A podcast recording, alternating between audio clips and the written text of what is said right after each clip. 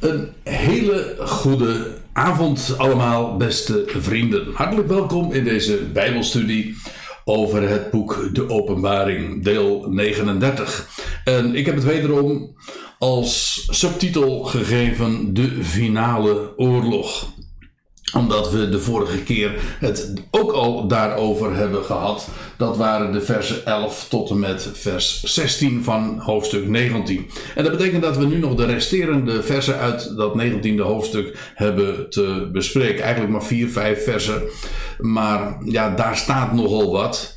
Dus uh, daar moeten we ook even goed de tijd voor nemen. Al was het maar ook omdat het buitengewoon uh, belangwekkend is wat hier plaatsvindt, want dit is inderdaad finaal. Uh, en zoals wij dat uh, in ons al, eh, algemeen spraakgebruik ook zo ehm, benoemen, als iets de finale is, ja, dat is in feite de apotheose, de, het sluitstuk, maar ook het hoogtepunt van, ja, van alles wat eh, tot dusver uh, zich heeft voltrokken. En dat is in het boek De Openbaring ook het geval. Dat wil zeggen, het is niet zozeer het hoogtepunt, het beste en het hoogste wat er kan bereikt worden, want het is nogal hard, luguber, uh, bloederig, op zijn minst gesproken, wat hier beschreven wordt, neemt niet weg dat het toch het sluitstuk is van de gerichten. Het is, laten we nog eventjes uh, terugblikken op wat we tot dusver hebben gezien.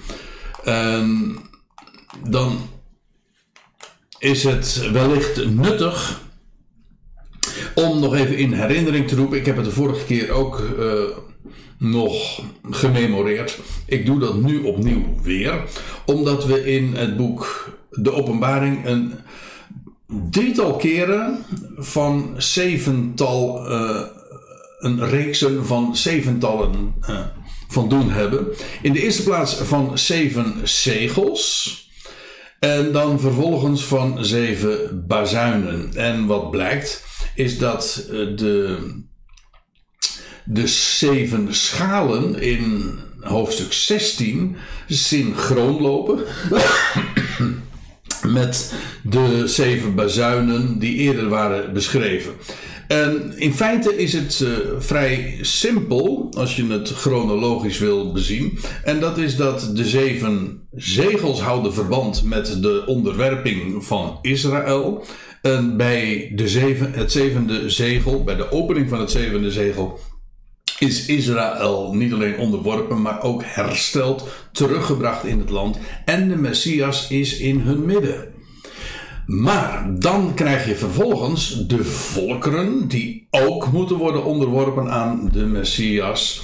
En dat gebeurt gedurende de tijd van de zeven bazuinen. Maar uh, je zou kunnen zeggen de tijd van de zeven schalen. Ik zei al, die twee zeventallen lopen synchroon. Ze zijn niet helemaal identiek, maar neem niet weg dat ze volstrekt parallel lopen.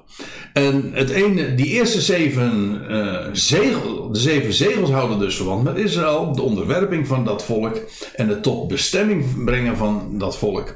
En de zeven bazuinen, maar ook de zeven schalen, die houden verband met het onderwerpen van heel de volkerenwereld.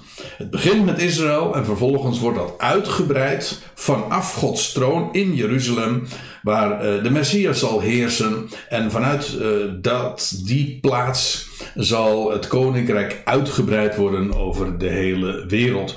En dat gaat uh, niet zonder slag of stoot. Dat is een aardige woordspeling in dit verband.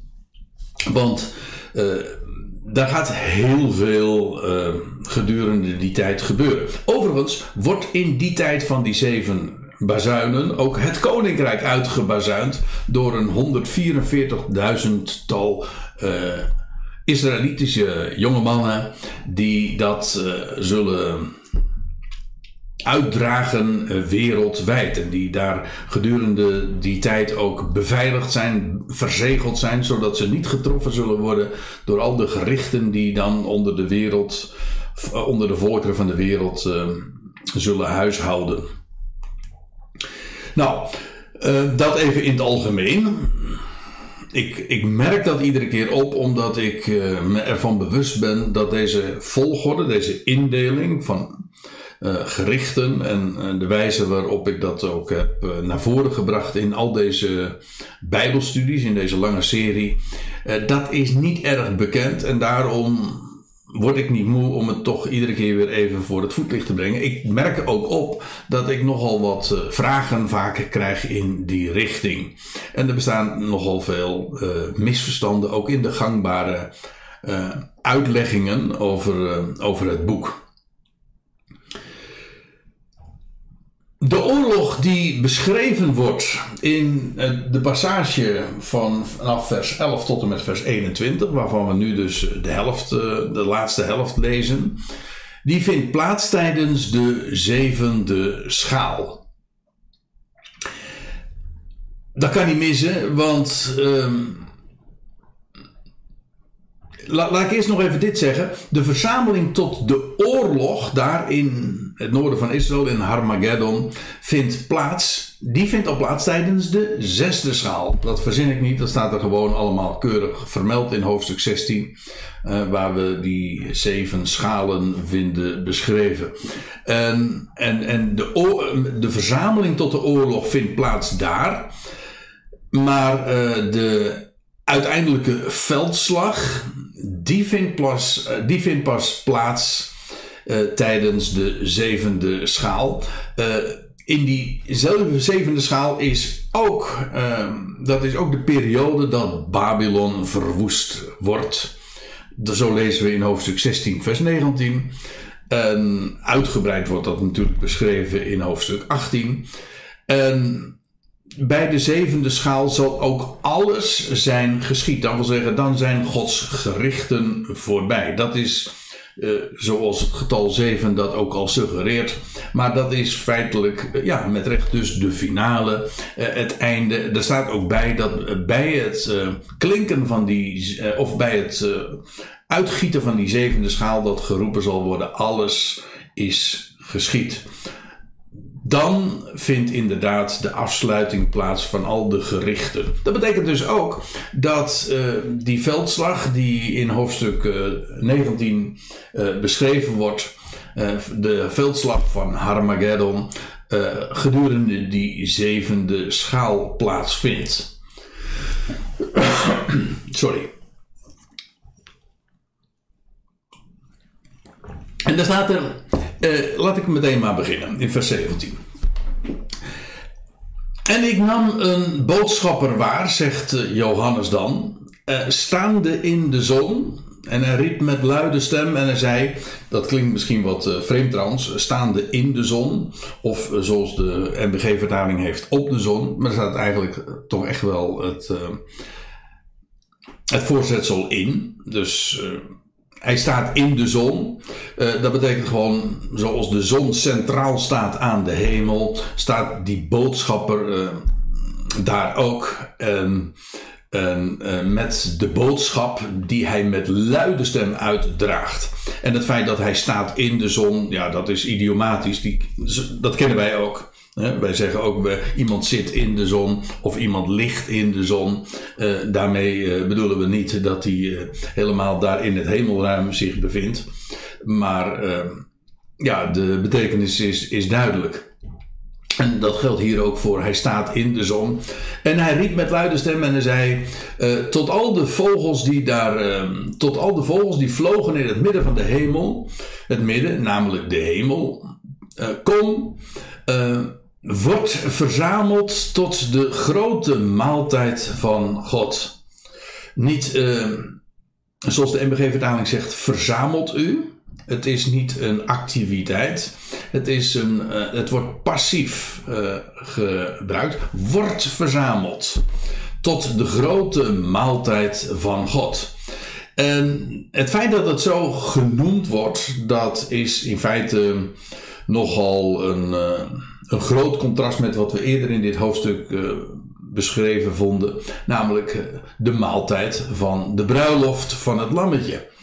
Uh, hier is wederom sprake van een grote maaltijd van Gods wegen, dat wel, maar het verschil kan niet groter zijn. Want in het ene geval gaat het werkelijk om een feestelijke maaltijd waar alle volkeren, resterende volkeren zijn, waartoe die zijn uitgenodigd. Namelijk om het nieuwe verbond tussen de bruidegom, de Heer, en de bruid, Israël, uh, te vieren. In feite een beschrijving van het Messiaanse Rijk. Maar uh, hier uh, is het zo trouwens dat deze maaltijd, deze grote maaltijd van God, refereert aan Ezekiel 38 en 39 de hoofdstukken die, uh, die spreken van de oorlog van Gog en Magog. En dat wat hier in Openbaring 19 beschreven wordt, dat is de vervulling van wat we in die hoofdstukken aantreffen. Het gericht over Gog en Magog in het land van Israël. Want je leest ook dat de legers van Gog en Magog. En ik eh, laat nu helemaal eventjes buiten beschouwing wat Gog en Magog en waar deze namen naar verwijzen en waar het gelokaliseerd moet worden. Uh, buiten beschouwing, behalve dan dat de Bijbel daar zelf van zegt dat het in het uiterste noorden is. Maar uh, dat is nu even niet het onderwerp. Het gaat er niet zozeer om wie Gog en zijn, maar dat uh, die oorlog, dat slagveld wat daar beschreven wordt, dat uh, is identiek, dat wil ik graag laten zien, met wat hier in Openbaring 19 beschreven wordt. Het blijkt ook wel, want als we nu even doorlezen, of dat ook lezen in Ezekiel 39, dan staat er: en ik lees uit de, tenminste gedeeltelijk uit de NBG-vertaling. Gij nu, mensenkind, zo zegt de Heere Jahweh. Zeg tot het gevogelte van allerhande gevederte en tot al het gedierte des velds, wordt verzameld. En komt, verenigt u van alle kanten bij het slachtoffer dat ik voor u slacht. Een groot slachtoffer op de bergen van Israël. Eet vlees en drink bloed. Hier wordt dus uh, het gevogelte, maar ook het gedierte van het veld uitgenodigd. Uh, en ze worden verzameld om een maaltijd te eten. Eet vlees en drinkt bloed. Dat klinkt natuurlijk ook al tamelijk macaber. En dat is het ook. Maar het is een slachtoffer dat ik voor u slacht. Een groot slachtoffer op de bergen van Israël. Hier zie je dus ook dat uh, dit slagveld plaatsvindt daar in het land van Israël. Nou, eerst wil ik uh, even wat kort uh, toch nog meer zeggen over, over Gog en Magog, Ezekiel 38 en 39.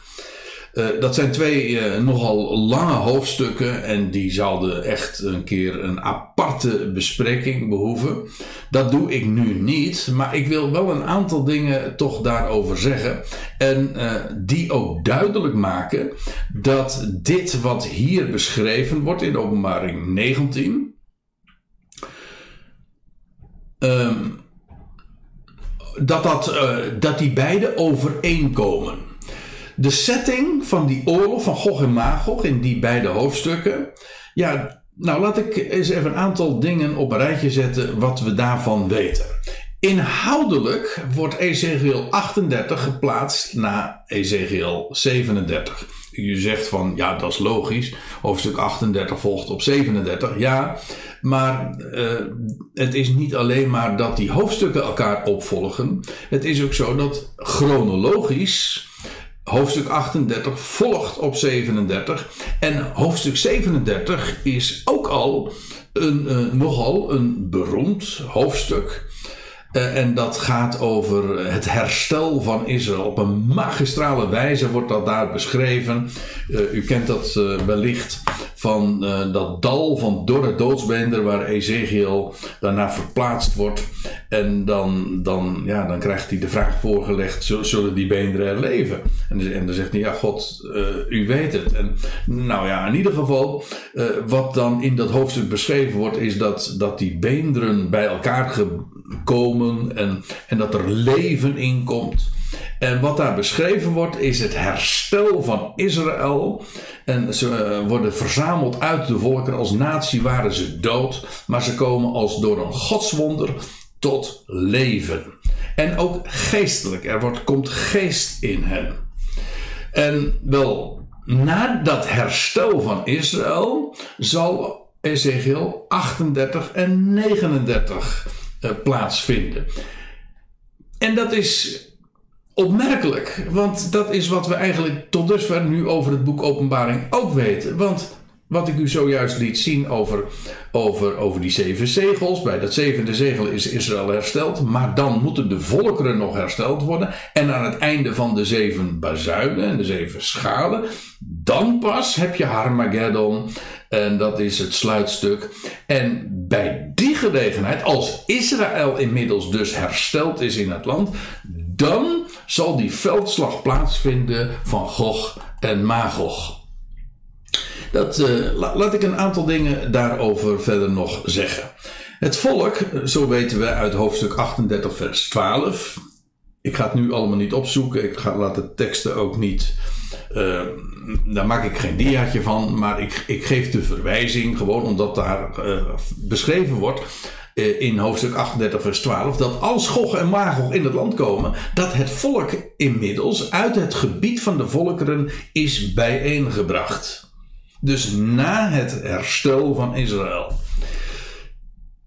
We weten ook, en dat wordt dan gezegd, twee keer zelfs, in vers 8 en vers 14 van hoofdstuk 38, dat uh, het volk Israël van de krijg, van de oorlog, hersteld is. En het woont ook in gerustheid. Hé, hey, dat is eigenaardig. Dat betekent dus dat uh, Israël is hersteld. Ze woont in het land. Uh, de steden zijn weer herbouwd. Het, uh, het is hersteld. En het woont ook in gerustheid. Moet je nagaan. Armageddon moet nog plaatsvinden. De volkeren. Uh, er is groot rumoer. Zoals het boek Openbaring ook beschrijft. Niettemin, Israël, het volk, woont in gerustheid. Want voor hen is het Messiaanse Rijk al aangebroken. De Sabbatsrust is voor hen reeds aangevangen. Wat het, uh, als ik het zo formuleer, is dat trouwens ook altijd wel eigenaardig. Want uh, ja, voor, uh, voor Israël vangt de Sabbat altijd eerder aan dan voor de rest van de wereld. De Shabbat die begint in de avond, in de voorgaande avond al. Hè.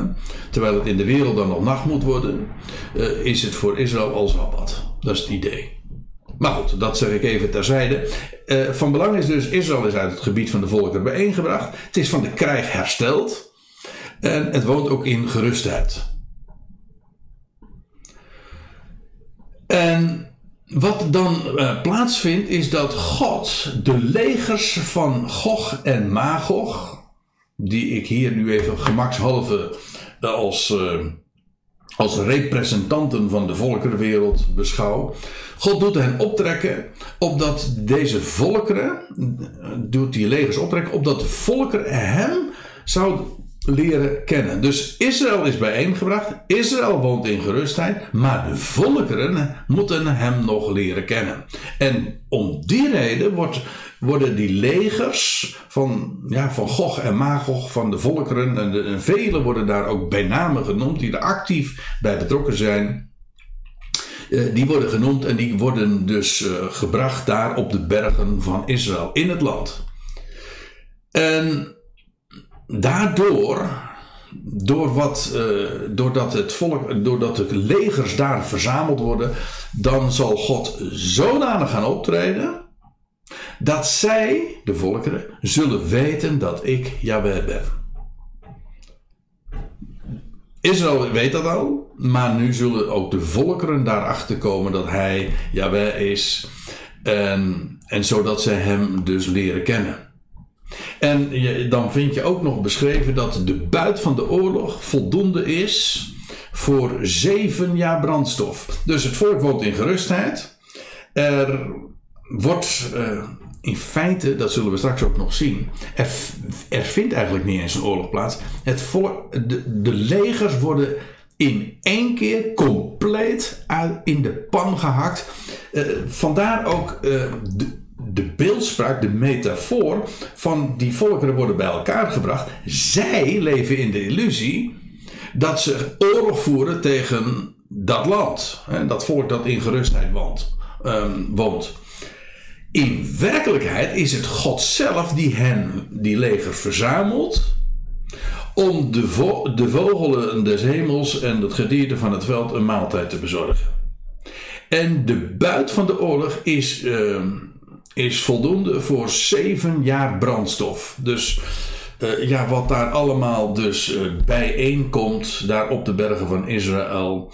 Uh, dat, dat zal Israël jarenlang voorzien van brandstof.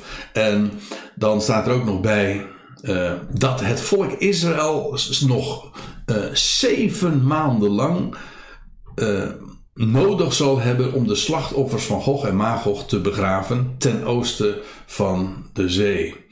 Met andere woorden, uh, niet alleen maar die, die, uh, die vogels, uh, de aasgieren, de aasvogel en, en, en, al het wild gedierte zullen, zullen de, de gevallenen daar, daar opeten. Maar alle resterende lijken die zullen nog in een massagraf Ehm, begraven worden ten oosten van de zee. En daar zal Israël, het volk, zeven maanden lang uh, werk aan hebben om dat allemaal te doen. Waarmee maar gezegd wil zijn dat het, een, het een, een, gigantische verzameling is wat, van, van, van legers. Die daar bijeen zijn gebracht, bijeen zijn gekomen. En hoe zij volledig in de pan gehakt zullen worden en het, het onderspit zullen delven.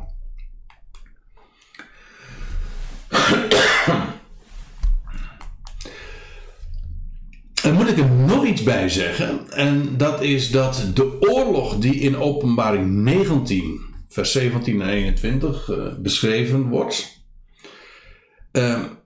onderscheiden moet worden van een andere oorlog van Gog en Magog. Want deze oorlog, ja, die vindt plaats voorafgaand aan de duizend jaren. De duizend jaren die in hoofdstuk 20 beschreven worden.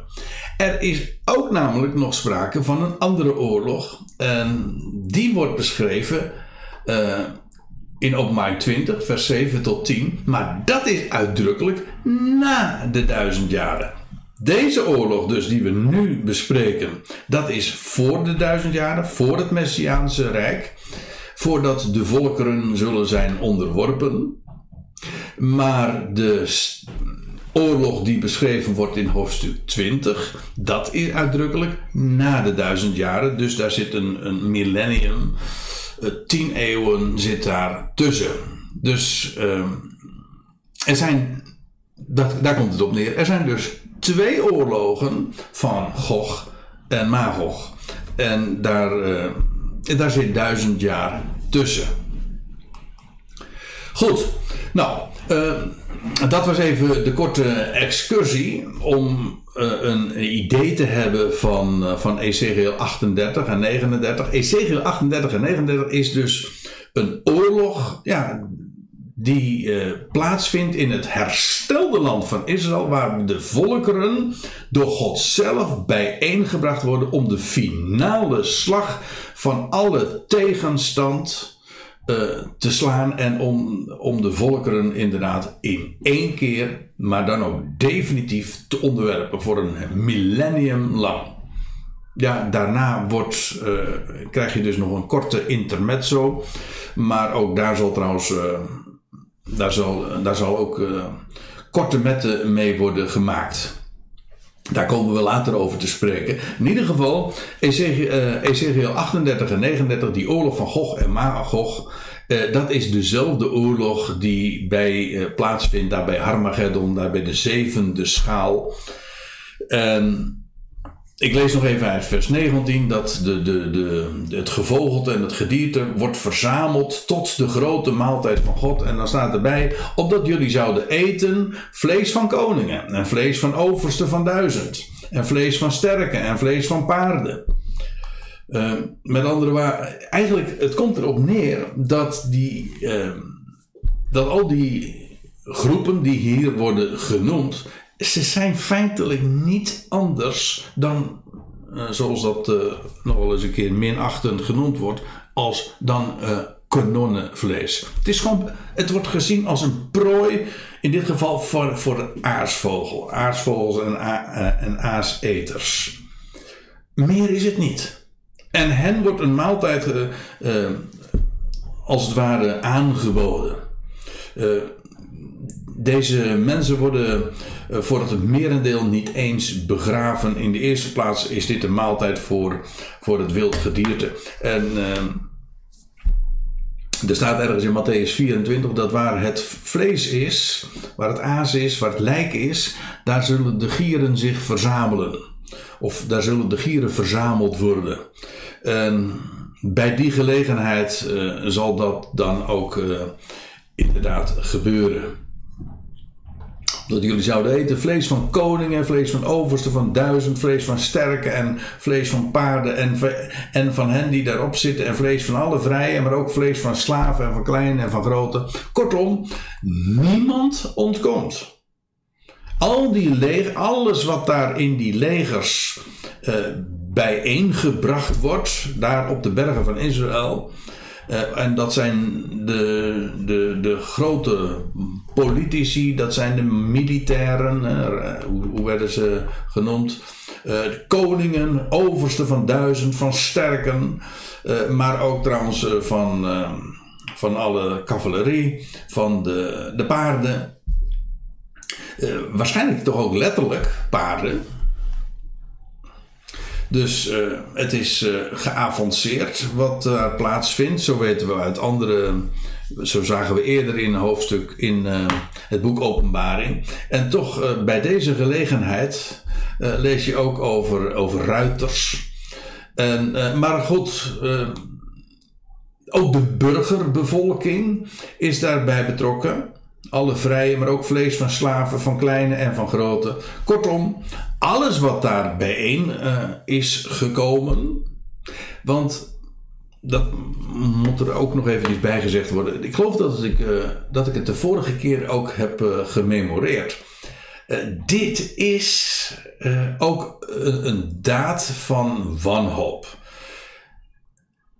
voor de volkerenwereld die zich niet wil onderwerpen aan de God met wie ze zo duidelijk geconfronteerd zijn in, in de oordelen die hebben plaatsgevonden. Nu kan het niet langer, nu moeten ze ten strijde gaan trekken tegen dat, dat koninkrijk daar in het Midden-Oosten. En, en de Messias die daar leidt, die daar in, in Sion regeert. En, want ja, het is of zich onderwerpen,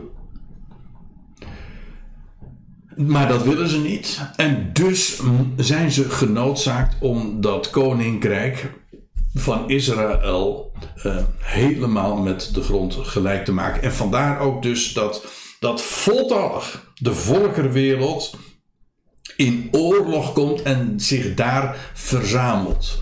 Zij verzamelen zichzelf, denken ze. Zij hebben ze daar hun motieven voor.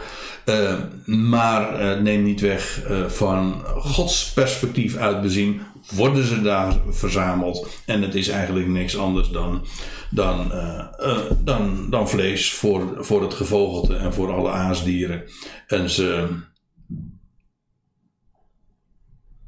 En ja, de, het slagveld dat daar wordt aangericht, dat is van Gods wegen om daadwerkelijk bij deze, ja, nu bij deze zevende schaal definitief een einde te maken aan alle tegenstand. Dit verwijst trouwens ook weer, deze formulering, naar Ezekiel 39. En Daarom uh, het feit dat in deze versen zo uitdrukkelijk verwezen wordt naar Ezekiel 38 en 39 geeft aan dat we hier ook de vervulling vinden van die oorlog die in Ezekiel 38 en 39 beschreven vinden. En dat komt ook uh, als je het chronologisch beschouwt uh, naadloos overeen met de chronologie van het boek Openbaring. En daarom uh, onderstreep ik het ook, want het, het, het klopt. Het is, het is duidelijk dat zowel die hoofdstukken in Ezekiel overeenkomen met dat wat Johannes beschrijft. Israël is hersteld in het land en daar in het land gaat God definitief alle tegenstand breken. In Ezekiel 39 lees je uh, inderdaad een formulering van, van, van uh, dezelfde aard. Vlees van helden zult gij eten. En die, dat gij, dat is uh, in vers 39, vers 17 werd aangesproken. Zeg tot het gevogelte van allerhande gevederte en tot het gedierte van het veld. Zij worden aangesproken. En dan staat er: Vlees van helden zult gij eten. En bloed van de vorsten der aarde zult gij drinken. Rammen, lammeren, bokken, stieren, alles mestvee van, van Bazan. Tot verzadiging toe zult ge vet eten, tot dronkenschap toe bloed drinken. Van het slachtoffer dat ik voor u geslacht heb. Dus in feite al die volkeren met al hun, de vorsten en de hoge militairen en noem maar op. Ze zijn eigenlijk alleen maar uh, voedsel voor het gevogelte van de hemel en voor aasdieren. Dat is, voor hen wordt dit allemaal aangericht. Met andere woorden, het is de minachting voor de tegenstand. Hoewel het inderdaad de Verenigde Naties zijn die hier eh, in het land uh, zich hebben samengeklonterd. God spreekt er met de grootste minachting over. Uh, het is niks anders dan, ja, nog minder dan kanonenvoer. Dit is, dit is niks anders dan, uh, dan voer voor, voor, voor de vogels, voor de gieren en, en, en uh, nou ja, hoe dat maar heten mag, maar in ieder geval voor het gedierte.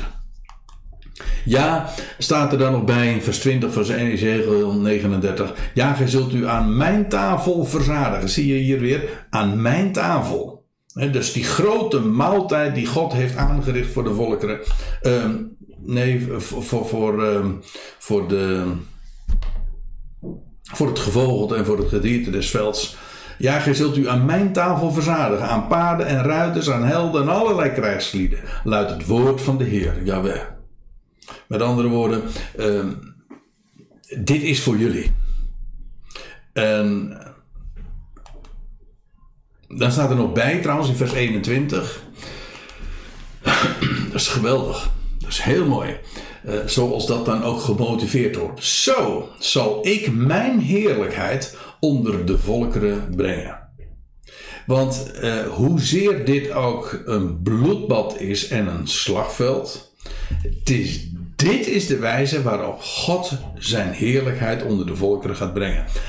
Alle tegenstand zij die niet willen zich niet willen onderwerpen aan de God die onmiskenbaar zich heeft gemanifesteerd.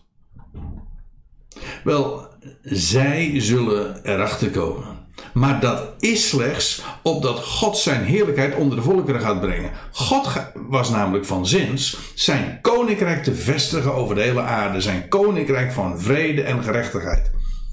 Ja, en als dan de wereld daar zo op uh, zich tegen verzet en zelfs ten strijde trekt tegen dat koninkrijk en zich daar verzameld heeft, dan spot God daarmee. En, maar dat doet hij omdat hij zijn heerlijkheid onder de volkeren wil brengen.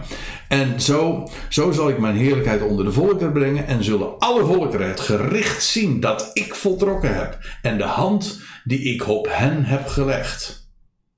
Het is manifest, het is openbaar. Dat is ook trouwens ja, het karakter van het boek De Openbaring. Zoals nu eigenlijk alles verborgen is, uh, zal straks alles openbaar worden. God is openbaar, zijn gerichten zijn openbaar en alle volkeren zullen het gericht zien dat ik voltrokken heb. En de hand die hij op hen heeft gelegd. Het huis van Israël zal weten dat ik de Heere hun God ben. Vanaf die dag, van die dag af en voortaan. Dat wil zeggen ook in de duizend jaren die nog gaan volgen. God is de God van Israël. En de volkeren die dat niet willen weten en die zich daar niet aan willen conformeren, wel, die zullen erachter komen. En dan zal het Israël, huis van Israël, dat ook daadwerkelijk met eigen ogen zien. Dat uh, hoewel het penibel lijkt. Hè, ja, het is, het is toch onvoorstelbaar dat, dat een relatief klein koninkrijk uh, ten opzichte van de volkerenwereld. Uh, ja, als, als daar dan de, alles verzameld is dat,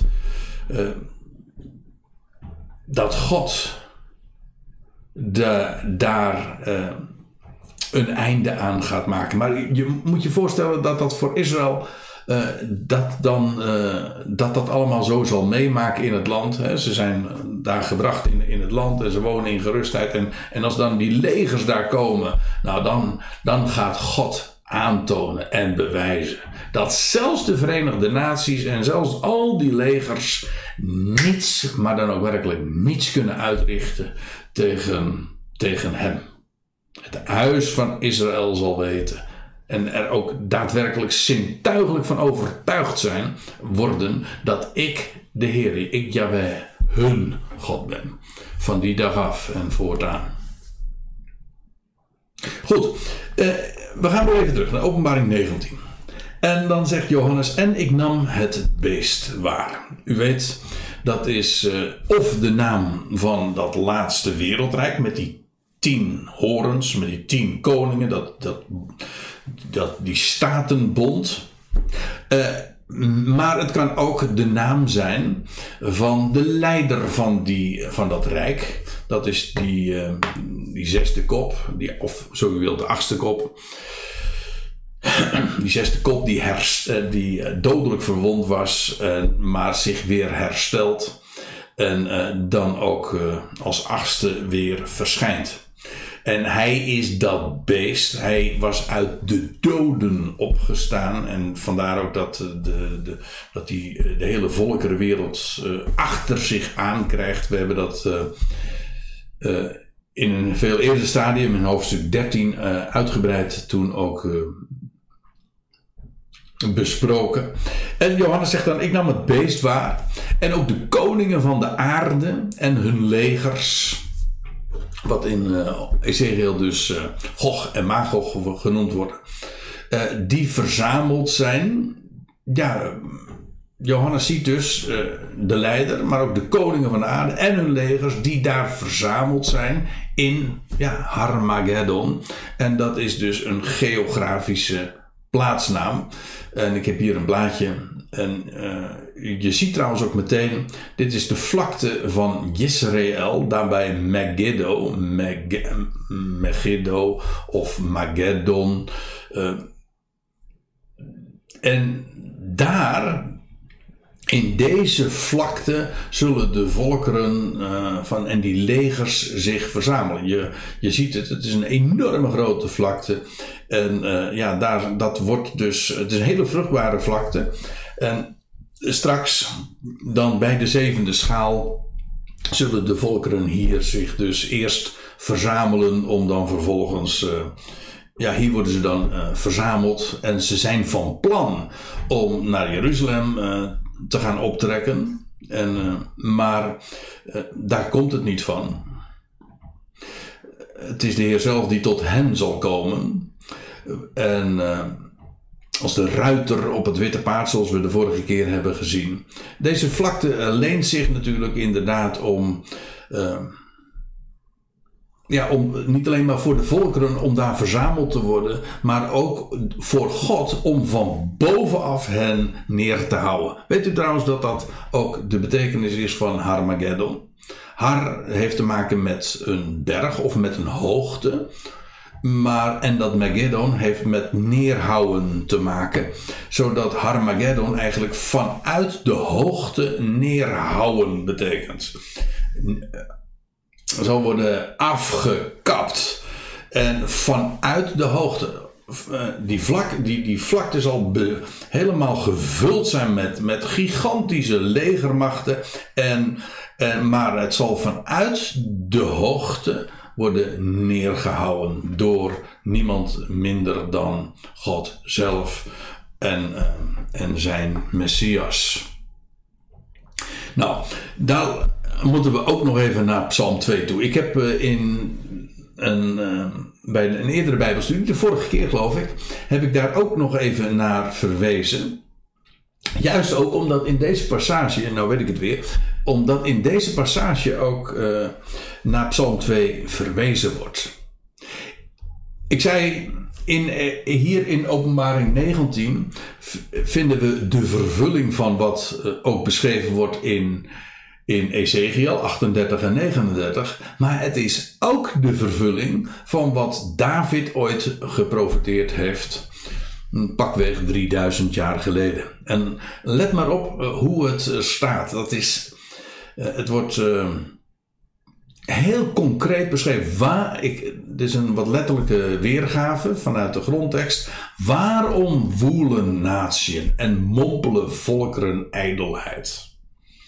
Natuurlijk zou je kunnen zeggen dat dat in het algemeen het geval is in, in, een, in deze wereld die in, in de duisternis wandelt. Maar dit zal uh, in, uh, op, zijn, op een hoogtepunt komen of tot een dieptepunt komen straks aan het einde van deze aion. Echt het absolute einde van deze aion bij die zevende schaal. want dan zullen ze zich verzamelen. Waarom woelen vol, en mompelen volkeren ijdelheid? koningen van de aarde en machthebbers, die spannen samen tegen Yahweh en zijn gezalfde. Dit is niet bewijzen van spreken, dit is letterlijk zo. Want ik zei al, Israël is inmiddels hersteld, de Messias regeert daar, Gods aanwezigheid is uh, nu gaat. Oh ja de PowerPointer die werkt niet helemaal naar behoren, maar goed, nu wel. Um, daar, uh, waar was ik gebleven? Oh ja, de, de, de volkeren die. Uh, of nee, laat ik het anders zeggen. Uh, Israël is, is hersteld en, en nu wordt de. daar is de, in dat land regeert de Messias en en nu zijn het de volkeren, de koningen van de aarde en hun machthebbers, die dat koninkrijk willen vernietigen. En uh, daarom staat er ook, ze spannen samen. Dat is een complot dus. Ze zijn van plan om, ze hebben met elkaar afgesproken om Yahweh en zijn gezalfde en dat wat zij uh, claimen en wat zij uh, ook hebben ja, de boodschap die zij hebben uitgedragen. Want vergis u niet, het evangelie van het koninkrijk uh, zal uh, in die periode van die bezuinen en die schalen worden uitgedragen onder de volkerenwereld. Onderwerp je aan dit koninkrijk. Maar dat willen ze niet en dus spannen ze samen tegen Yahweh en zijn gezalfde. En hun aanwezigheid, ik bedoel van Yahweh en zijn gezalfde, zijn Mashiach, Messias, zijn een gegeven. Dat, is, dat wordt ook niet betwijfeld. Atheïsme, ik heb het bij een eerdere gelegenheid uh, ook gezegd. Maar ik denk, ja, het is misschien moeilijk om dat je nu voor te stellen. Maar straks uh, zijn de kaarten, liggen de kaarten er heel anders voor. Dan is het zo dat het volstrekt helder is dat God zelf heeft, uh, heeft ge, heeft ingebroken in deze wereld. En, en met zijn oordeel en zijn gerichten. Uh, zijn, zijn presentie heeft bewezen. En daar is ook niemand die daar aan twijfelt. Het, wat er wel zal zijn, is tegenstand dat ze zich daar niet aan wensen te conformeren. En vandaar deze oorlog dus. Ze hebben samengespannen tegen Yahweh en zijn gezalfde. Wij scheuren hun banden los en werpen hun touwen van ons. Kijk, dat is wat, uh, wat, uh, wat zij van mening zijn, hun opinie, namelijk hun banden, die van Yahweh en zijn gezalfde, hun touwen. Eh, zij ervaren dat eh, als een last en als een binding. En zij willen zich daarvan ontdoen. Ze willen dat verscheuren en van hen werpen. En dat is de reden waarom ze een einde willen maken aan dat koninkrijk daar in het Midden-Oosten, in het, in het land van Israël. Daarom spannen ze samen. Maar dan staat die in de hemel zetelt, die lacht. En mijn Heer, ik denk dat dat hier uh, de Messias is, de gezalfde, die spot met hen. Het is geen partij voor hem. Het zijn de volkeren, het zijn de natie, het zijn de koningen van de aarde, het zijn de machthebbers die daar allemaal samen gespannen zijn, daar in het land en die niets van hen willen hebben, maar degene die in de hemel zetelt, die uh, voor hem is het peanuts, uh, deze tegenstand, deze oppositie. En de Heer spot met hen. In feite wat we zojuist zagen, namelijk dat die volkeren die daar bij elkaar gebracht zijn, eigenlijk niks anders dan een maaltijd zijn voor het gevogelte en voor het gedierte. Dat is, dat is spot. Dat, is, de, dat wordt niet serieus genomen door God. De, wij, wij hebben misschien de neiging om daar uh, heel erg. Uh, moeilijk over te doen en zeggen van goh, dat, wat, een, wat een ernstige situatie. Maar dan ken je God nog niet. Ik bedoel, uh, als je het vanuit de hoogte bekijkt, en dat, en dat doe je toch echt als je in de hemel bent, en, en, en de God kent die hier aan het woord is, ja, wat, wat is dat? Wat, wat, wat, wat verbeelden ze zich? Die in de hemel zetelt, die spot, die, uh, uh, die, die, lacht en, en, en mijn Heer spot met hem. Maar dan wordt het ook, dan wordt het ook wel menens, want dan zegt hij dan bij die gelegenheid, als zij dus samengespannen zijn uh, en uh, samengespannen hebben en daar uh, bij elkaar gekomen zijn, ja, dan spreekt hij tot hen in zijn toorn. En in zijn verhitting verschrikt hij hen. Dus het is aan de ene kant de, de lach en de spot en het sarcasme dat er doorklinkt. En, maar dan ook de boosheid. Hoe halen ze het in hun hoofd om dit, dit soort oppositie te voeren? Hebben ze dan nog niks geleerd van alles wat er tot dusver heeft plaatsgevonden? Al die bazuinen, al die schalen. Denken ze daar echt uh, zich van te kunnen ontdoen? Denken ze echt met de God die daarin zo duidelijk en onmiskenbaar spreekt, uh, dat ze hem eh, terzijde kunnen stellen en dat ze zijn woord naar zich neer kunnen leggen, dan spreekt hij tot hen in zijn toorn. En het is, dit is, heet dan ook in het boek De Openbaring. Vanaf het zesde zegel lees je ook: De dag van zijn toorn is gekomen. Dat is na dat zesde zegel. Dan breekt die dag van toren over de volkerenwereld uit. De dag van wraak. Ja, allemaal om het jaar van zijn welbehagen te doen aanvangen. Dat zijn de verhoudingen. Ik wil dat graag even nog een keer uh, bij herhaling, uh, want ik heb het eerder gezegd. Maar ik wil graag benadrukken, hoe heftig dit ook is, het is, het is altijd kort. Gods toorn is altijd relatief ten opzichte van zijn welbehagen altijd kort. Het is een dag van zijn toren, maar het is het jaar van het welbehagen van Yahweh dat dan zal gaan aanvangen. Maar hij gaat hem verschrikken. En dan staat erbij dat God aan, aan, aan, aan het woord is, hè, in zijn toorn. Hij zegt, ik zelf wijd mijn koning over Zion, mijn heilige berg. Want zij hebben samengespannen. Zij willen dat koninkrijk daar in Jeruzalem en de stad van de grote koning niet erkennen. Maar God zegt: Ik heb mijn koning gesteld daar in Zion, mijn heilige berg. Wat verbeeld je je nou? En dan lees je even verder: Vraag van mij. En dat wordt dan tegen de Messias gezegd. God spreekt tot de Messias: Vraag van mij en ik geef jou natieën tot je lotbezit. En de einde van de aarde tot je bezitting. Kijk, dat is wat er gaat gebeuren. De volkeren die zijn samengekomen, maar God zegt: daar wordt uh, aan, aan deze oppositie, aan deze tegenstand en al die legers wordt een einde gemaakt. En dan ga ik jou de natieën tot je lotbezit en tot je erfenis geven. En de einde der aarde tot je bezitting. En jij, wordt, zegt God tegen de Messias, jij zult hen vermorselen met een ijzeren knots als pottenbakkerswerk, zul je hen verbrijzelen. Dat wil zeggen, de oppositie. En let op, deze zin, die hebben we eerder gelezen, namelijk in vers. Uh, in hoofdstuk 19, vers, wat was het? Ja, vers 15 staat dit.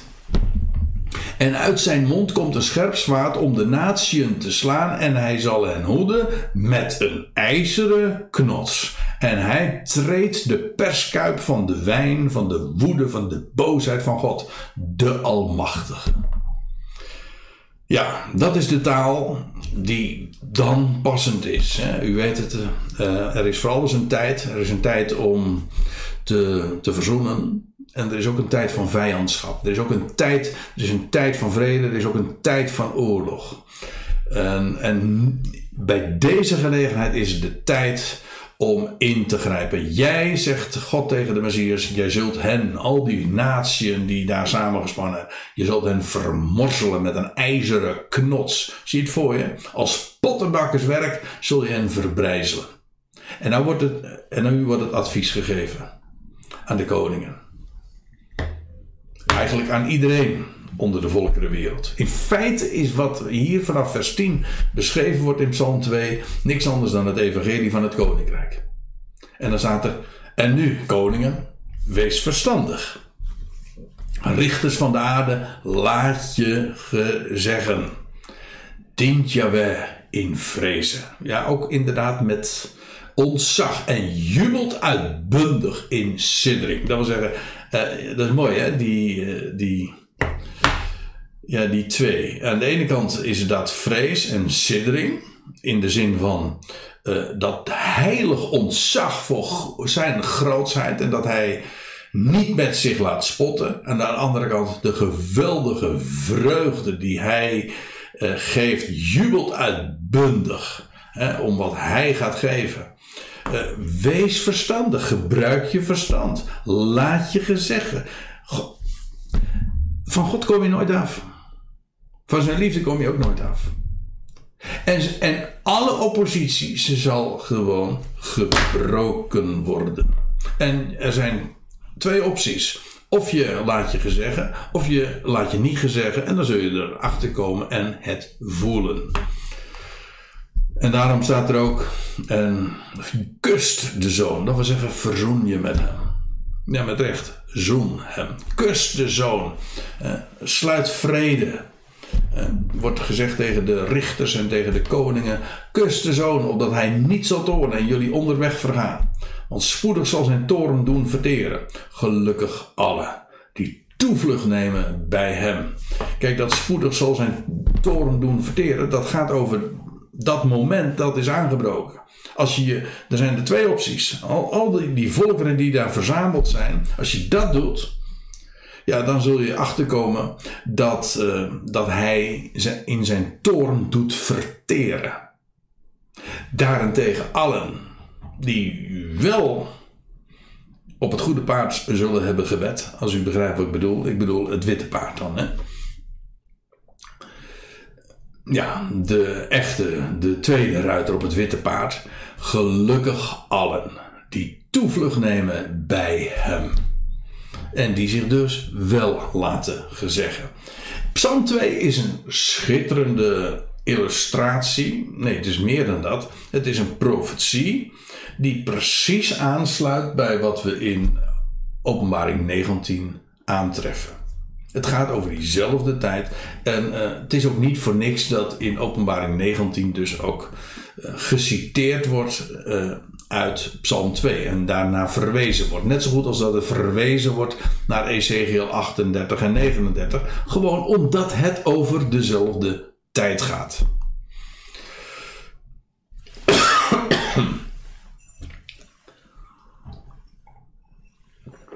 Vers 19. En ik nam het beest waar en de koningen van de aarde en hun legers die verzameld zijn daar in het noorden van Israël, op de bergen van Israël. Om oorlog te voeren tegen hem die op het paard zit. En tegen zijn leger vanuit de hemel. En, en dan staat erachter. En het beest werd gegrepen. En met hem de valse profeet. hey, hier hebben we twee. Uh, ja, mag wel zeggen. Uh, hoofdrolspelers in dat hele. Uh, in dat hele relaas van het boek De Openbaring, namelijk het beest. De leider van het rijk. Want ik zei al, het beest dat is of het hele rijk met die tien horens en die zeven koppen, weet u wel. Uh, en soms is het uh, gewoon de leider daarvan. Dat, dat, die, dat, die, dat achtste hoofd. Hè? En dat is in dit geval heel duidelijk geval. En het beest werd gegrepen en met hem de valse profeet. Dus het gaat in, in uitdrukkelijk over één iemand uh, met nog een ander, namelijk de valse profeet. En ze, ze werden gegrepen. Het beest werd gegrepen en met hem de valse profeet. Dus voordat er sprake is van een oorlog, daartoe waren ze bij elkaar gekomen. Daartoe waren ze, uh, dat dat was hun idee.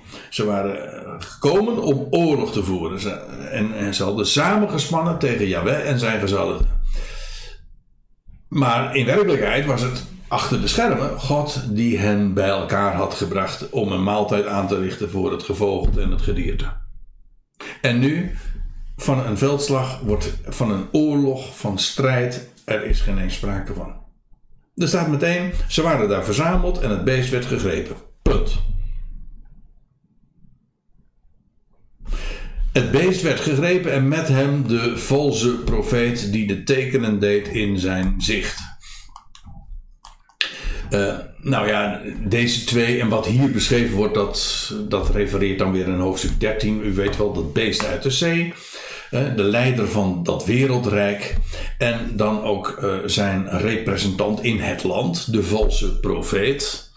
Die, die dan tekenen doet uh, in, voor zijn zicht. En die ervoor zorgt dat er ook een hele cultus in het land.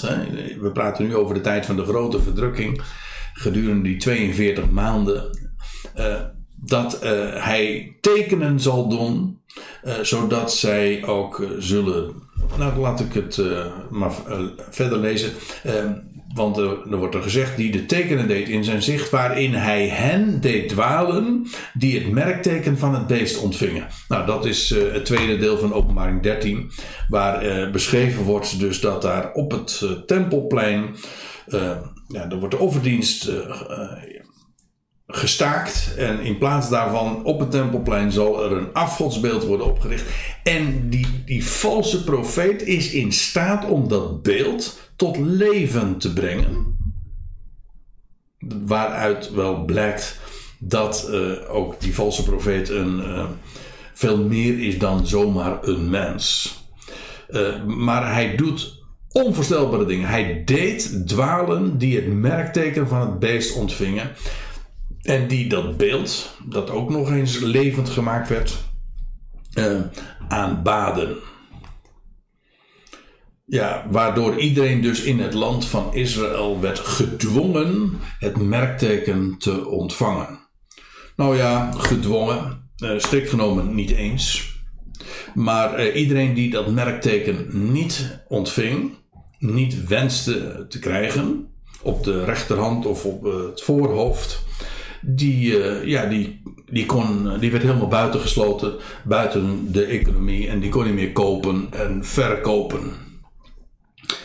En ja, ik zou daar. Uh, ik, de verleiding is groot om, om aan te sluiten bij wat we juist deze weken in de actualiteit tegenkomen, omdat ze daar in het, het land van Israël momenteel, de staat is, in de Joodse staat, uh, al aan het oefenen zijn met hoe dat gaat. Ik, ik realiseer me heel goed dat wat er nu gaande is met de vaccinatiedwang en dat vaccinatiepaspoort, dat groene paspoort, dat in, uh, in de staat Israël ook gelanceerd is, dat dat niet hetzelfde is als hier het merkteken van het beest. Maar ik moet erbij zeggen, het, is, het is wel een oefening. A, het is dezelfde locatie. Ook hier weer, alle ogen zijn op Israël gericht. Dat merkteken van het beest, dat gaat ook juist over hen in het land. Niet de volkerenwereld, maar in het land. En, en daar zal dat beeld trouwens ook staan op het tempelplein. En degene die dat merkteken niet willen, weigeren, ja, die worden buitengesloten. En dat is in feite wat er nu ook plaatsvindt, uh, want er zijn afschuwelijke dingen aan de gang in het. Uh, in, in de Joodse staat. Want er uh, ontstaat gewoon een complete tweedeling van tweederangs burgers. Van mensen die uh, dat vaccin niet uh, wensen, niet willen, om welke reden dan ook. En in feite gewoon buiten gesloten worden. Nou, hoe dat gaat uitpakken en opgelost gaat worden. En hoe dat zich verder zal gaan ontwikkelen. Dat is nu verder niet het onderwerp. Maar de parallellen zijn toch onmiskenbaar. Wat dat betreft uh, zien we nu ook inderdaad gewoon ook uitgerold al uh, allerlei ja, voortekenen van, van wat, uh, wat straks zich in, in veel heviger mate nog zal gaan, gaan voordoen. En dat, en dat terwijl we nu nog helemaal aan het begin staan. De, de, ruiter op het witte paard van dat, dat eerste zegel, dat moet zelfs nog, nog gaan eh, komen. Maar ondertussen zien we nu eigenlijk al contouren van wat daar straks uh, gaat plaatsvinden in het land. Hoe dan ook, uh, hier worden we meteen ook hier in openbaring 19 geconfronteerd met het einde van het beest en de valse profeet. En ja, die valse profeet die was eigenlijk al veel eerder uh, uitgerangeerd. Waarschijnlijk is hij gewoon gevlucht toen de Messias teruggekeerd is uh, in het land en zijn koninkrijk daarop ging bouwen. Maar uh, de volkerenwereld ging gewoon verder en het beest en, en de valse profeet die, is er, die is daarbij het beest. En, maar hoe dan ook, uh, beiden worden zij uh, gegrepen. En, en er staat erbij in vers 20: uh, levend werden de twee, dus dat beest, de leider uit het, uit het, uit het wereldrijk, uit de, en de leider van in het land, de valse profeet. Levend werden de twee geworpen in het meer van het vuur. Dat brandt in zwavel. Trouwens, eh, er staat hier, levend werden ze daarin geworpen. Ja, en ze blijven er ook leven. En ja, dat lees je in hoofdstuk 20, vers 10. Daar komen we bij een uh, latere gelegenheid zeker nog over te spreken. Maar ik wil. Uh, hieruit volgt in ieder geval al dat deze beide, dat beest en die valse profeet, geen gewone mensen zijn. Kijk, van dat beest is dat sowieso al duidelijk. Dat beest, dat, uh, eerst, dat is die, die, die zesde leider van, dat, van die tien statenbond. Die, krijgt, die wordt dodelijk gewond, die, wordt, uh, die sterft, maar staat op uit de dood. Ja, hij wordt weer levend. En dan begint dat uh, zijn, zijn, ja, zijn grote succes. En dan uh, de, degene die hem opgevolgd heeft, dat, die maar korte tijd zal, uh, zal regeren, die, dat zevende hoofd, uh, ja, die moet dan weer het veld ruimen. En dan zal hij ja, zich als, als het beest manifesteren. Maar in feite is hij uit de dood opgestaan, maar hij is gewoon een gematerialiseerde geest. Hij, of laat ik het anders zeggen. Hij, is hij komt uit de afgrond. Dat lees je ook, hè? Van het beest komt uit de afgrond. En hij zal gewoon be, uh, dat lichaam gaan bezetten. Huh? Met recht, een, het is een bezeten figuur, dat beest. En ja, gedemoniseerd, zo u wilt. Hij, uh, en, en zo als, als een geest neemt hij intrek in dat dode lichaam. En dat dode lichaam komt tot, komt tot leven. En eh, ja, van, van dat kaliber is dat beest. Vandaar ook dat dat beest in, de, in, de, in, de, in dat meer van vuur geworpen wordt. Maar blijft daar gewoon leven. Bij een gewoon mens zou erin doodgaan. Maar deze, eh, deze figuur niet. En die valse profeet ook niet. En waaruit dan ook volgt dat die valse profeet ook niet zomaar een gewoon mens is. Dat uh, beide beesten zijn dus, uh, komen uit de onderwereld. In hoofdstuk 2 van de tweede Thessalonicense brief lezen we ook iets soortgelijks. Uh, maar dan moet ik er wel even iets bij zeggen in verband met de gangbare vertalingen. Daar staat er, uh, als de, de wetteloze onthuld zal worden. Kijk, het gaat hier over het moment dat uh, de wetteloze zich in de tempel gods zal zetten. En dat wil zeggen, hij zal een beeld van zich laten plaatsen daar op het tempelplein. En, ja, dan zal de wetteloze, de mens der wetteloosheid onthuld worden. En, en, nou, en het gaat er nu even vooral om wat er tussen haakjes staat. Eh, wie is die wetteloze? Dat is hij die de Heer Jezus uit de weg zal ruimen in de adem van zijn mond. Dat wil zeggen, door dat wat er uit zijn mond komt. En buitenwerking zal stellen in de verschijning van zijn parousia. Dus als hij in zijn parousia, in zijn aanwezigheid op aarde, zal hij verschijnen. En in zijn verschijning zal hij deze figuur uit de weg ruimen. Niet, zoals de vertaling zegt de MBG-vertaling, dat hij hem zal doden. Dat is niet waar. Hij wordt, hij wordt uit de weg geruimd. Hij wordt namelijk gegrepen en hij wordt ge, uh, gedeponeerd, hij geworpen in het meer van het vuur. En dat is wat anders. Hij zal niet, hij zal niet doodgaan. Dus uh, de vertaling is. Uh, Kijk, dat uit de weg ruimen kan wel uh, ook de betekenis hebben van gedood worden of ombrengen. Maar de betekenis aan zich is ruimer. Hij wordt uit de weg geruimd. Zo wordt het trouwens ook bij, bij andere gelegenheden ook vertaald. Ditzelfde woord. En hij wordt met recht uit de weg geruimd. Dat wil zeggen, hij wordt verplaatst. Hij wordt uh, in uh, het meer van het vuur geworpen en buiten werking gesteld in de verschijning van zijn, dat wil zeggen Jezus Christus, parousia. En levend werden de twee geworpen in het meer van het vuur dat brandt in zwavel. Ik wil daar bij een andere gelegenheid nog eens wat uh, uitgebreider uh, op, uh, op terugkomen. Maar in dit verband is het genoeg om erop te wijzen dat het hier inderdaad gaat over een meer. Dat wil zeggen een, een water dat omgeven wordt door, eh, door, eh, door oevers. Ja, dat is wat een meer is. Eh, het meer van Genezaret heet ook zo'n meer. En het is een, muur, een meer van vuur. Dat is eigenaardig. Dat brandt in zwavel. Niet van zwavel, maar dat brandt in zwavel. En er is maar één meer, als u het mij vraagt, dat daarvoor in aanmerking komt. En dat is het meer eh, dat in het, op het laagste plek van de hele aarde zich bevindt. 300 meter beneden de zeespiegel. De Dode Zee.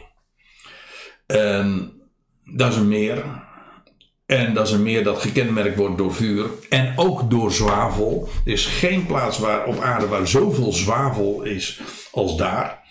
En uh, dat zal straks weer uh, opnieuw gaan branden.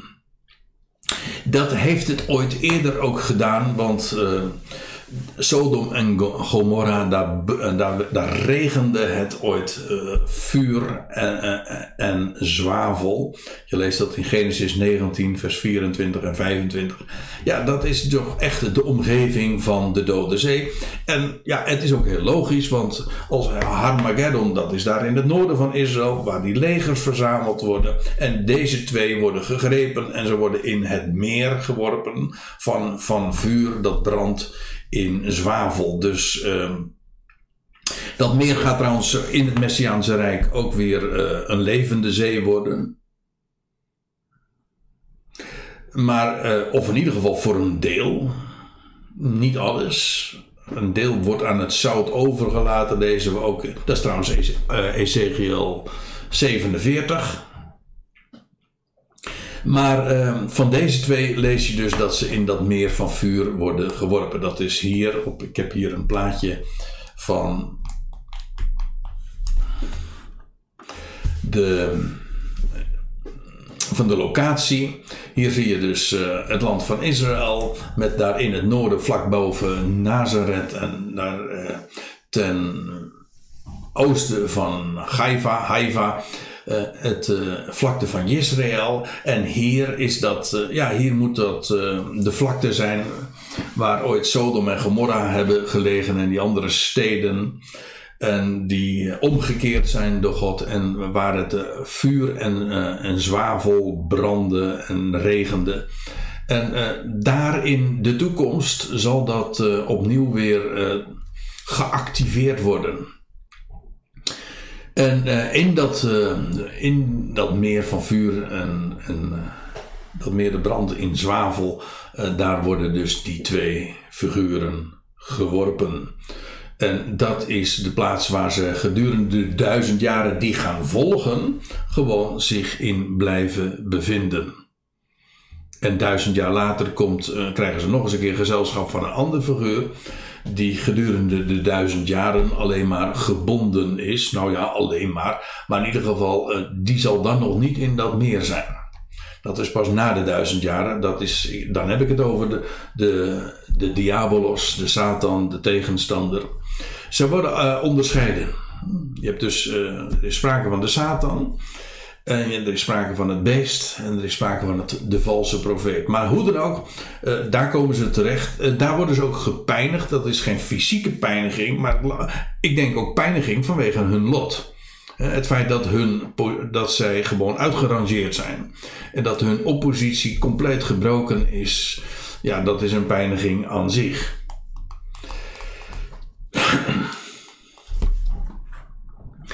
En dan staat er in vers 21 tenslotte nog. En de overigen die werden gedood in het zwaard. Ja, want uh, de overigen, dus ver uit de meer, want daar waren gigantische legers daar verzameld in uh, de vlakte van Israël. En dat tweetal, de, het beest en de valse profeten, die worden uh, gegrepen en geworpen in het meer van het vuur. En alle overigen, die werden gedood in het zwaard. Dan zou je zeggen, hé, hey, dat is toch oorlog? Uh, nee, maar uh, nee, toch niet, want over welk zwaard hebben we het dan? Wel, het zwaard van hem, die zit op het paard, dat uitging uit zijn mond. Aha, dus uh, degene die dat, dat, dat zwaard eh, we hadden het de vorige keer trouwens daar al over. Dat gaat uit zijn mond, zodat dat zwaard niks anders is dan een uitbeelding, een metafoor voor het woord dat hij spreekt. Hij zal hem uit de weg ruimen, eh, zoals hij het beest uit de weg ruimt door de adem van zijn mond en door dat wat hij spreekt. Zijn woord is een tweesnijdend scherp zwaard. En moet u zich voorstellen, die legers zijn daar verzameld. Er wordt geen oorlog gevoerd. Ja, zij kwamen om oorlog te voeren en een eind te maken aan dat koninkrijk van de Messias. Maar wat de Messias dan doet, want over hem hebben we het, hè, over, over het, uh, het zwaard dat uit zijn mond komt. Hij zal spreken en zijn spreken zal genoeg zijn om die legers daar te doden. Dat uh, komt overeen met wat we in uh, Ezekiel 38 en 39 ook lezen. Dus er valt geen schot. Er, er, wordt, uh, er, er wordt helemaal geen enkele militaire actie ondernomen. Zijn woord is genoeg om die legers allemaal te doden. Daarvan hebben we trouwens in de Bijbel ook meerdere, keer, meerdere voorbeelden. Hoe God uh, zo als krijgsheer ook optreedt in triomf. Alle tegenstand zijn, uh, is totaal geen partij voor hem. en dan staat er uh, nog bij, en al de vogels die werden verzadigd van hun vlees.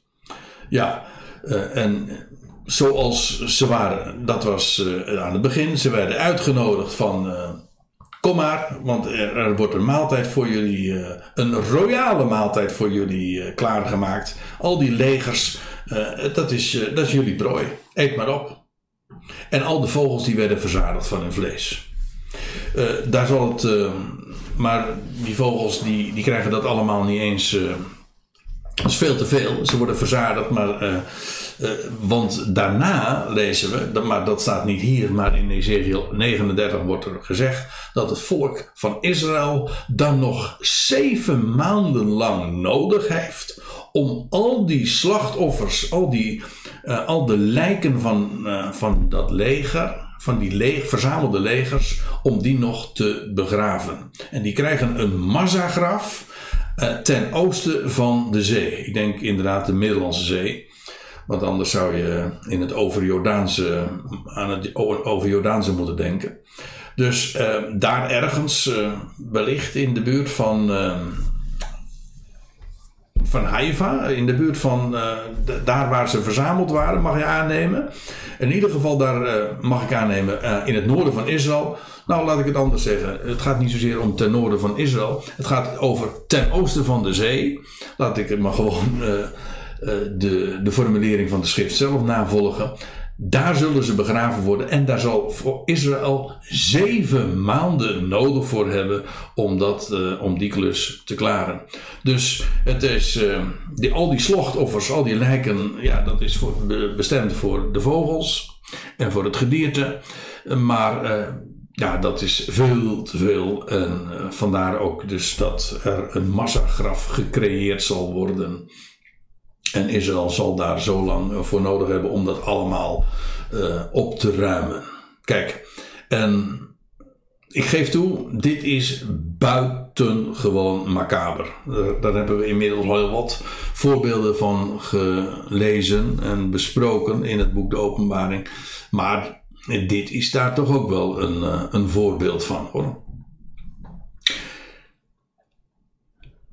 Zo maakt God korte metten met alle oppositie. Maar dit alles dient, en ik uh, denk dat we dat nooit genoeg kunnen benadrukken. Dit dient slechts opdat God zijn heerlijkheid onder de volkeren zou gaan bekendmaken en zou vestigen en zou brengen. Zo stond het geformuleerd in Ezekiel 39. Dat was het oogmerk. En nu dit is het laatste vers van, uh, van, een, uh, van Openbaring 19. En nu is alles voltooid. Babylon, de hoofdstad van dat, dat beestachtige rijk, zal zijn uh, vernietigd, verwoest. Ehm, dus in het buitenland is er geen oppositie meer. En de legers die in het land verzameld waren om een einde te maken aan dat koninkrijk van de Messias, wel, die zijn compleet in de pan gehakt. Er, wat er overblijft is een, een, een, een massagraf. En dan, dan is het tijd geworden voor het koninkrijk van de Messias. Om dat wereldwijd te gaan vestigen. En allen die dus overgebleven zijn. Want weliswaar zijn er natuurlijk gigantische legers, enorme mensenmassa's. Je mag aannemen, honderden miljoenen, misschien wel miljarden mensen zijn daar inmiddels omgekomen. Ik weet het niet. Ik, uh, uh, maar alles wat overgebleven is en wat wel gehoor heeft gegeven aan de roepstem van uh, ja, dat evangelie van het koninkrijk dat verbreid is en degene die zich daar wel aan willen, aan willen onderwerpen, wel, zij blijven over en zij zullen dat koninkrijk uh, gaan beërven. En de duizend jaren, die zullen uh, vanaf dan ook gaan aanbreken. Maar nu ben ik wat vooruitgelopen. Want uh, dat is wat in hoofdstuk 20 besproken is. En waar we het de volgende keer dus over gaan hebben.